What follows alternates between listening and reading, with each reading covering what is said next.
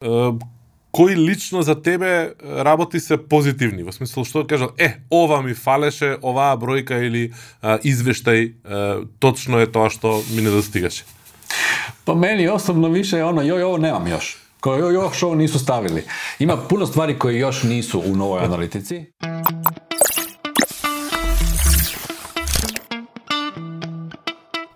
Еве на нас во 93-та епизода на Комкаст, епизода која што повторно ја правиме во оној формат со две различни коцки.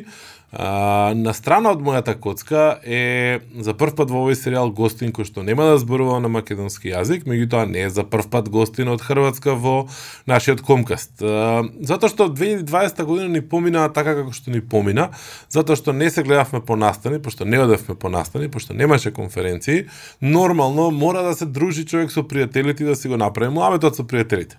И затоа, на моја особено задоволство и чест, овој комкаст, оваа епизода, гостин ни е Роберт Петковиќ или Петко. Здраво, Петко! Чао, Дарко! Чао! А, ние се обидовме да се договориме дека јас ќе зборувам на македонски, а Роберт ќе зборува на хрватски. Нема да има никаков превод ни на едниот, ни на другиот јазик. па да пробам. Ама, а, јас му ги пуштив прашањата на македонски предходно. Денес Роберт е на крилица, многу битна работа. а, Роберт е човек кој што а, ни текнува или на луѓе во целиот регион, а бога ми и пошироко им текнува кога всушност ќе спомнеме аналитика. А, многу поконкретно Google аналитика. А, Роберт, ајде вака да речеме во една реченица како би се представил себе си? Па свиѓа ми се оно што смо смислили заедно за, за мој YouTube канал. Роберт Петковиќ, човек кој претвара бројке у речи. Znači, on je neko koji uspije pojasniti brojke. Ja obično kažem ljudima, ja ću vam pomoći da vam web bude uspješniji. To. A, sva ona ostala magija iza, pusti meni. А, кога, кога некој ќе спомнува бројки а, и, и веб, а, дали тоа а, по автоматизам одма значи Google Analytics или значи и многу друго нешто? Pa kod nas na Balkanu i malo šire, Google Analytics je nešto što se prvo veže uz brojke. Kad govorimo o brojke vezane uz web ili uz digitalni marketing, Google Analytics je ono što nam pada na pamet. Ako idemo malo šire, ne znam, po, po centralnoj Europi vjerojatno bi bio Adobe Analytics, u Rusiji je Yandex, Metrika i tako dalje. Ima različitih stvari koje se mogu uračunati kao nekakva web analitika, ali naravno da tu ulazi onda i, i Facebook analitika i Google Ads sa svojim analizom i MailChimp, odnosno bilo koji newsletter programi sa svojom analitikom. E sad, Zašto ja volim Google Analytics u cijeloj toj priči? Zato što Google Analytics voli uzimati podatke od svih tih sa strane, odnosno staviti kod sebe podatke i onda Analytics nam omogućava da vidimo kad imamo website na, na koje, za kojeg radimo jako puno kanala marketinga i social media i newsletter i slično, onda u Google Analyticsu možemo vidjeti kako nam naša cijela strategija funkcionira. Jel smo li, da li smo dobro rasporedili naše budžete kroz različite kanale, kakva nam je strategija kontenta i slično. Znači on kao takav je više zaslužan za, za cijelu sliku. A vole ga ljudi iz prodaje jer ono pokazuje neke prodajne podatke, vole ga ljudi iz marketinga jer je prvenstveno marketinški alat. Tako, dosta, je, dosta je široka stvar. Tako da mogu reći da uglavnom se koristi Google Analytics kad govorimo na našim prostorima, ali ne jedina stvar. Конкретната причина заради која што веќе неколку недели се договараме да го снимиме а, овој комкаст и оваа епизода, а, не се твоите а, нови видеа, туторијали кои што нели се објавуваат преку каналот кој што ќе го линкаме подоле, не твојот личен канал, туку и каналот на како се викаше на на Билди сервисот? Uh, Masterbox. А, Masterbox, Masterbox да. не е тоа, туку поводот конкретен е uh, Google Analytics 4. 4, да. Uh, постои подолго време, за нас обичните смртници е актуелен од пред неколку месеци. Ајде на кратко, што е Google Analytics 4 и како побогу стигнавме до Google Analytics 4 кога предходно не видовме ни 1, 2 ни 3? Па да, ние баш да нисме имали 1, 2 и 3, ако нисам си сад рачунал u глави како е било 1, 2, 3, ала ајмо реч да е Google Analytics 1 био Urchin, Znači prvi nekakav Analytics, koja, odnosno firma koju je Google kupio još tamo prije 15. kusur godina, uh, onda su napravili Analytics koji je vjerojatno verzija 2, ajmo reći tako nešto, ali uh, mislim da je 2013. tako nešto je Google Analytics doživio veliku promjenu, ali u backendu. I, I nazvao se Universal Analytics. Znači imali smo malu promjenu u kodu koji se stavio na web stranicu, ali front-end je bio isti.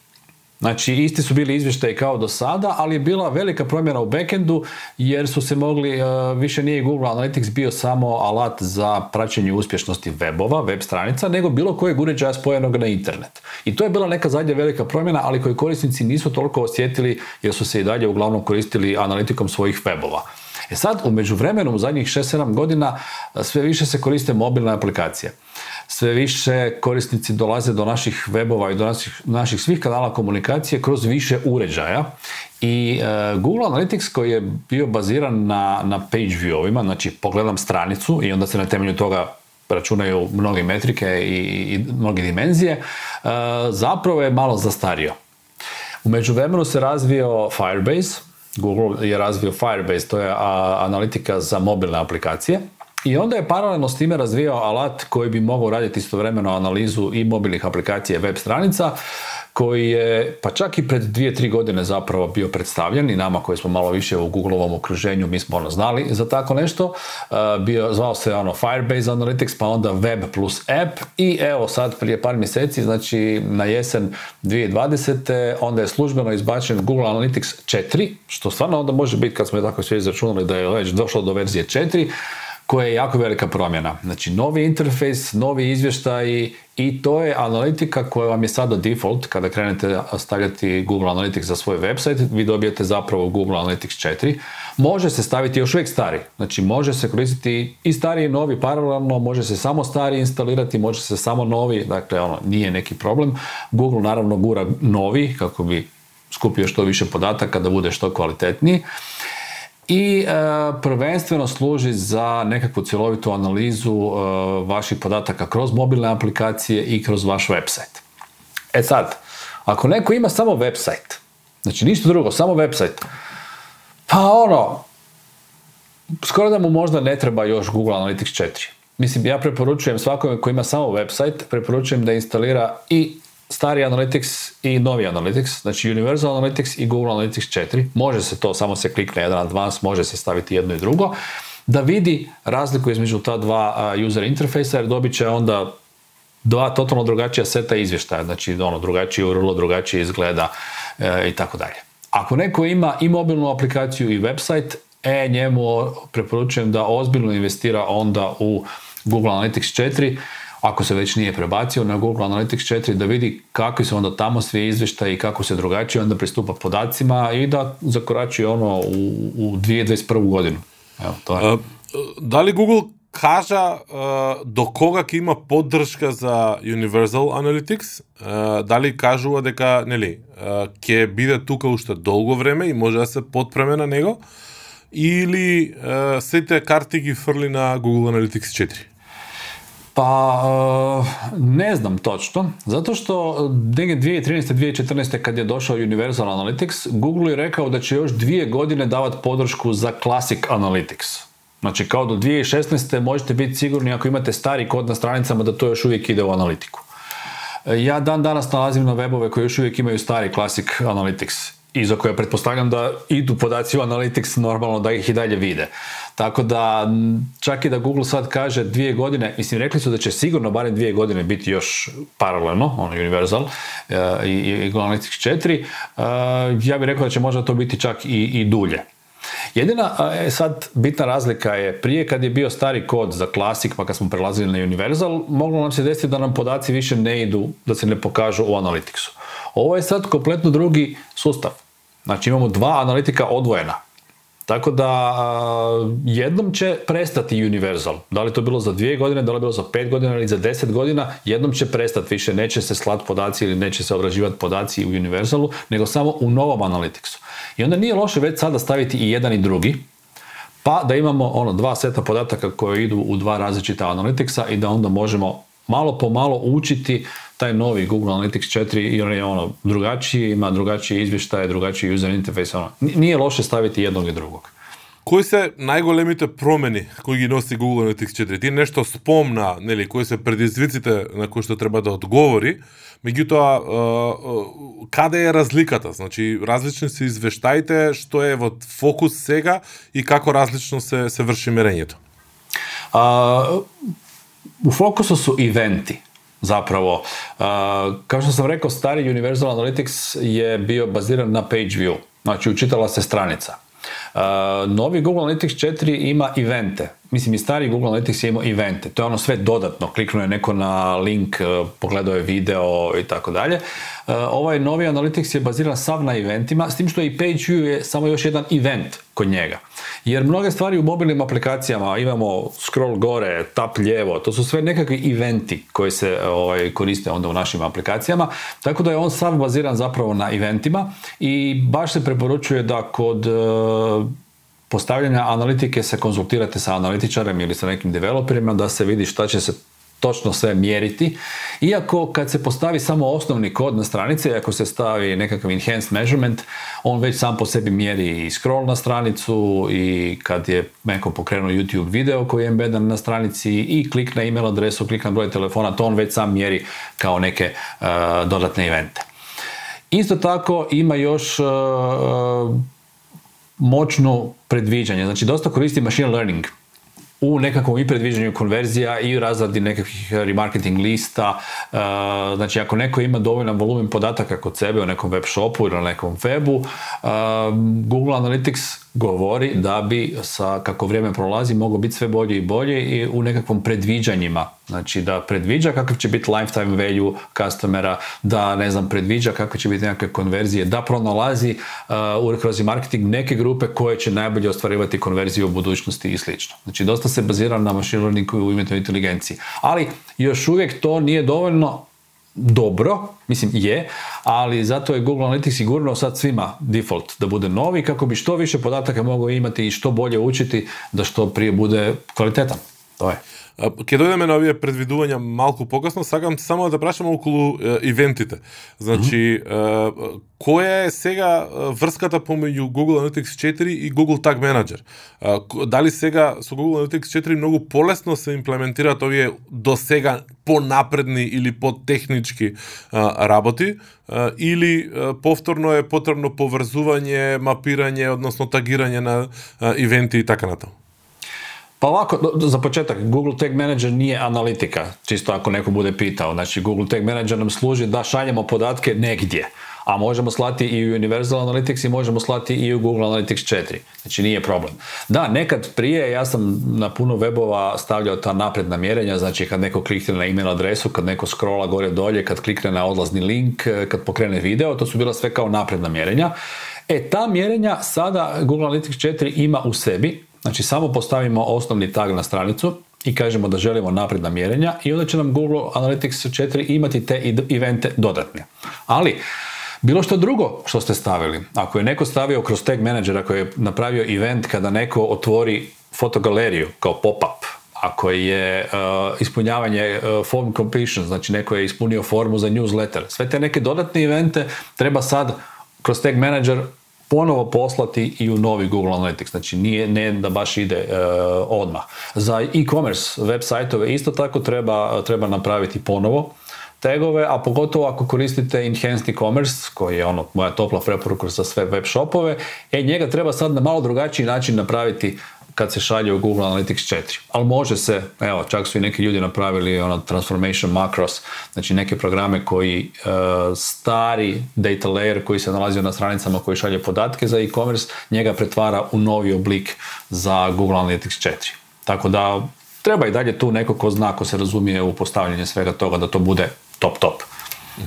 Uh, спомна предвидување и artificial intelligence и програм machine learning и така натаму.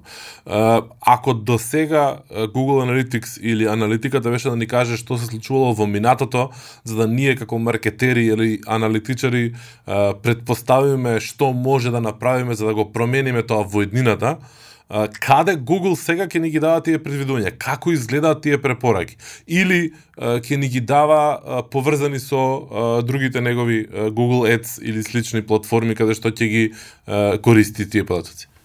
Па више повезано заправо со Google Ads и со негови платформама. Јер Google Analytics е углавном бесплатен све ове године, затоа што он генерира јако корисни податки за Google Ads. Тоа е a kroz Google Ads mi dajemo pare Google da on radi dalje. Tako da prvenstveno se podaci onda nalaze u Google Ads, odnosno šalju se kvalitetni podaci u Google Ads kako bi se na temelju toga mogli raditi kvalitetne kampanje, odnosno ne znam koliko si sve skupa radio na webovima, ali postoje ono smart kampanje, postoje smart goals, postoje smart liste, pa sad Google otprilike ide prema tome, daj ti samo klikti meni sve smart, smart, smart, pusti jaču. Neka sine jaču. e sad, neki marketari kažu da je Google bolji od njih, neki kažu ne, ne, nikada on meni neće moći tako dobro kao ja. Treba probati, treba testirati. Varga, Varga si prizna, Miroslav Varga si prizna je, pred nekoj je, kaže, da. дека нели во некои услови, во некои кампањи Google станал попаметен од него. je, je. Iako uh, nisam siguran, mi tu na Balkanu uglavnom imamo kampanje koje su malog volumena. I onda u jako puno takvih kampanja koje imaju, ne znam, manje od uh, tisuću konverzija mjesečno, u jako puno takvih manjih kampanja zapravo se nekakav marketar možda bolje snalazi i ima bolje rezultate nego Google, kojemu treba neko vrijeme da prikupi podatke i onda prvih pa možda i par tjedana će davati ono jako, jako loše rezultate. Mislim, i Miroslav Varga je rekao, meni na početku daje grozne rezultate, ali kad on krene, ja se pozdravim. E sada, ako nama kampanja traje 5 dana, neće Google tih pet dana ovaj, uspjeti ništa pametno napraviti. Tako da treba uvijek probati. Um, Предпоставам дека на повеќе проекти на веб сајтови или на апликации каде што следиш аналитика веќе го стави Google Analytics 4 кодот. Може ли да ми да ми кажеш први искуства во смисол на сега од кога е официјален, кога веќе има има податоци месеци и месеци собрано а, а, а, кодот, кои лично за тебе работи се позитивни, во смисол што кажат, е, ова ми фалеше, оваа бројка или а, извештај, а, точно е тоа што ми недостигаше. Pa meni osobno više je ono, joj, ovo nemam još. Koje još ovo nisu stavili. Ima puno stvari koje još nisu u novoj analitici. Stara analitika je ono puno, puno bolja. Ne znam, tipa neki filtre, filteri za, za viewove i tako dalje. Ima, ima dosta stvari koje i onako nije ni Google rekao da će još biti ali očekujemo da zapravo na jesen ove godine da će to biti već puno bolje nego, nego stari. E, ima jedna sitnica koju sam već spomenuo par puta, jedna nova metrika koja se zove engagement rate. E sad, uh, za one koji su se koristili Analyticsom, uh, postoji metrika bounce rate mhm. koja se često uzima recimo kao kvaliteta uh, sadržaja neke stranice ili kvaliteta kampanja na nekoj stranici. I sad taj bounce rate je bio svakakav Mislim, mene su ljudi znali angažirati da im posložim analitiku, ali tako da im smanjim bounce rate. Što je ono, nonsens, mislim, ne Dobro, endle, endless scroll i to je to. Da, da, da, endless scroll, to je to, da, nema problema, sve riješimo. Novi event kad se pojavi chat, bot i sve ok. Tako da taj bounce rate je, ono, s njim se svašta radilo. E, sad postoji nova metrika koja se zove engagement rate, koja je zapravo isto što je ispravno posložen bounce rate, ali obrnuto. Znači što je veći postotak, to je veći angažman nekih korisnika. Taj engagement rate eh, prati koliko je neki korisnik ono, baš zainteresiran za naš website. Nije samo došao ovdje i otišao, nije samo malo pogledao dvije, tri stvari pa otišao, nego onda imate nekakav postotak i može nam reći recimo za pojedine kanale, znači da li preko sociala kakav imamo engagement rate, preko displaya, preko newslettera i tako dalje, kakvi su nam onda eh, ti neki kanali dolazaka po metrici engagement rate. Taj mi se engagement rate ono za sada od nekih novih metrika dosta sviđa zato što vidim da ću ga puno lakše moći iskoristiti onda kad radim s nekim klijentima koji, koji vole ono uzeti svaki tjedan izvještaj, uzeti 50 metrika i onda pitati a zašto je bounce rate pao sa 34 na 37? da, da, I takve neke stvari. Ovo će biti možda malo kvalitetnije, pa tako. Koliko Google Analytics 4 uh, eh, jamenuva uh, eh, играта во тоа да може да ги следи полесно корисниците на различни браузери, на различни уреди, а да ги идентификува дека се исти? Е, овако, Google Analytics, односно Google на свише мање тиера веќе неко време да користиме такозвани Google Signals. Znači, kod instalacije Analyticsa on kaže daj активирај Google Signals, jer Google Signals je sustav koji upravo pokušava povezati sve naše uređaje koje mi koristimo naokolo, a da zna da ih mi koristimo, makar smo anonymous. To je ono što Facebook jako dobro radi jer Facebook ne možemo koristiti ako nismo ulogirani unutra i onda on to sve skupa fino zna. Kad se uključi e, Google Signals, e onda Google zapravo dosta dobro zna koji smo mi korisnici kroz više nekakvih uređaja. Iako Google Analytics 4 ima nekoliko načina da nas pita, ok, kako ti prepoznaješ ljude? Da li da koristimo Google Signals ili ti imaš neki svoj loyalty card ili neki user ID, nešto da se ljudi koriste, e, da se ljudi ono, ulogiraju u stranicu, e, jer ako se ljudi ulogiraju u stranicu, onda na taj način je puno točnija ta to spajanje ljudi kroz više uređaja i Google opet može učiti svoj Google Signals koje je korisnik kroz više uređaja. Tako da na, na, tome rade već zadnjih nekoliko godina, rade dosta dobro i sve bolji i bolji su. Tako da da, u Google Analytics 4 Google kaže da je sve bolji upravo u tom prepoznavanju broja usera koji koriste više različitih uređaja. Tako da pazimo kada gledamo usere, kad radimo izvještaj koliko je usera bilo na nekom sajtu, a onda kad gledamo izvještaj koliko je sessiona bilo na nekom sajtu, jer onda ljudi mogu biti i kroz više uređaja spojeni u mjesec dana Ujutro dođem preko mobitela, na večer dođem preko laptopa i onda prepozna me da sam jedan, ali više sessiona i tako. Uglavnom da, e, e, dobar je, radi. A, I može biti kako za kraj, zato što znam da ima premnogo što da se zburuva, ama ne li, ne treba bi da me pa i predolgi, ima, te ima na internet dovoljno. da li сам веќе ни е јасно дека иднината на аналитиката е без кукис, значи без колачичи. Mm -hmm. Како ќе изгледа тоа и кој ќе доминира во таа приказна? Според твоите видувања и согледување. za kraj. Pazi, koliko imamo sad? Isteći će nam se. Ne, nema.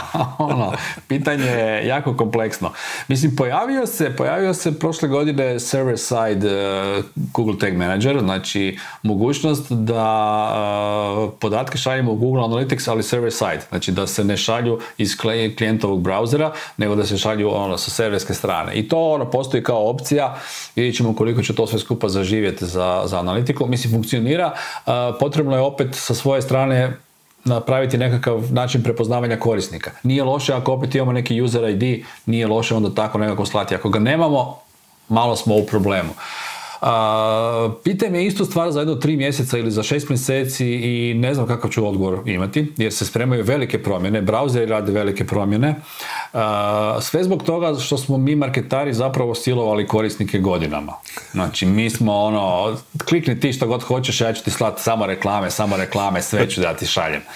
I onda su se pobudili, onda smo dobili GDPR i tako dalje i sad su ljudi ono oprezni što se tiče toga, a veliki broj marketara je primijetio da im brojke u Analyticsu padaju, da imaju sve manje broja korisnika, što na kraju nije točno, nego imaju sve više ljudi koji su rekli ne prihvatam da. kukije i onda ne smijemo da ih pratimo, ali s druge strane marketar ima pravo da zna koliko ljudi je bilo na njegovom sajtu. Znači ja mogu kao marketar smijem znati da li je bilo 500 ljudi ili 5000 ljudi, ako ništa drugo da znam koliko da si server optimiziram za sljedeći put. I to je to što bi trebao znati. Možda koje su mi stranice posjećene. Ok, ne bi smio znati da li su došli sa Facebooka i slično. Uh, Google radi na jednom sustavu koji će omogućavati uskoro u Google Analyticsu da mi znamo koliko je bilo ljudi, da mi znamo koje su one stranice pogledali uh, i to je otprilike to. Možda čak i da znamo da su došli sa Facebooka, sa Google Adsa, slično, ali ne smije, ne, nećemo moći te podatke onda koristiti za remarketing kasnije. Nećemo moći reći, aha, daj ti sad svima njima pošalji reklamu. Znači, neke stvari će se promijeniti vrlo skoro. Uh, Google ima već nekakve najave ovaj, u, kod nekih agencija, neke agencije mogu koristiti već white listane su za takve promjene i ja očekujem da ćemo u sljedećih par mjeseci imati način da možemo malo bolje znati uh, podatke korisnika koji su isto tako cookieless, znači bit će ono anonymous korisnici e, i dalje. A što se samih kukija tiče, ja već dugo govorim klijentima copy, znači tekst koji je na webu, to je zakon, to je sve. Korisnik samo gleda da klikne na što veći button koji kaže ok, aj dalje, idem dalje. Znači ako je on došao, ako on želi vaš sadržaj, pristaće na sve, ako vam je kvalitetan sadržaj i tako da. Mnogi su zakomplicirali cijelu priču, Jako su zakomplicirali. Klikni ovdje tri puta, pa ovo, pa pogledaj tu, pa imaš 16 ovih komadića, pa ovako, onako. Ne, neću, bježim, idem dalje od toga, neću ništa da kliknem. I tu su problemi. Dakle, ako imamo dobar kopij na stranicama, korisnici će pristati na, na kukije, ali pritom ne smijemo zloupotrebljavati. Znači, ako mi imamo dobar sadržaj zbog kojeg su oni došli, korisnici će nam dati sve, pa čak i svoju email adresu. Ali ako mi njih tu varamo, lažemo i ako im šaljemo neke stvari koje oni nisu htjeli, e, onda imamo problem sa korisnicima. Tako da e, cijela ta bitka kukile se odvija već mjesecima, zapravo, mijenjaju se stvari i evo, bit će sigurno promjena u sljedećih 3 do 6 mjeseci će sigurno biti nekih novih stvari. А, ке зборуваме уште еднаш повторно или ке се видиме дај Боже на некој настан следнава година, односно оваа година веќе па да може да помуабетиме повеќе. Како крај би сакал само да го повторам или да го повториш оно што веќе го кажа на почеток некаде таму на почеток дека Препораката за Google Analytics 4 сега е дека е најпаметно да се користат двата а, кодови паралелно, да се собираат податоци а, и од двата кода и да всушност а, нели почекаме Google да ги догради или да изгради сите функции а, кои што ги имал предходно или да додаде уште некои нови во новиот а, а, дел, односно Google Analytics 4 за да а, можеме да ги користиме подобро. Меѓутоа да не го трошиме времето залудно, а, да се подпираме само на Universal Analytics, туку да ги инсталираме двете, двете заедно. Така ли? Da, da, ja stvarno ono jesam, da, da oba dva asistiraju zajedno, čak u nekim, evo, baš smo spominjali Masterbox lekcije, tamo sam rekao na početku njima, evo kako da instalirate i Universal i Analytics 4, ono, oba instalirate, koristite oba, jer kažem, za neke ljude još uvijek je Universal puno bolji nego Google Analytics 4. One koji imaju samo webove, i koji su već napravili, ne znam, puno remarketing lista i tako dalje, još uvijek držite se njega, ali čim prije stavite Google Analytics 4 i počnite se koristiti njime kako biste za godinu dana naučili neke njegove bolje stvari, uh, vidjeli šta, šta valja, šta ne valja i, i imali još, još bolje i još uspješnije webove, evo, to je najbitnije.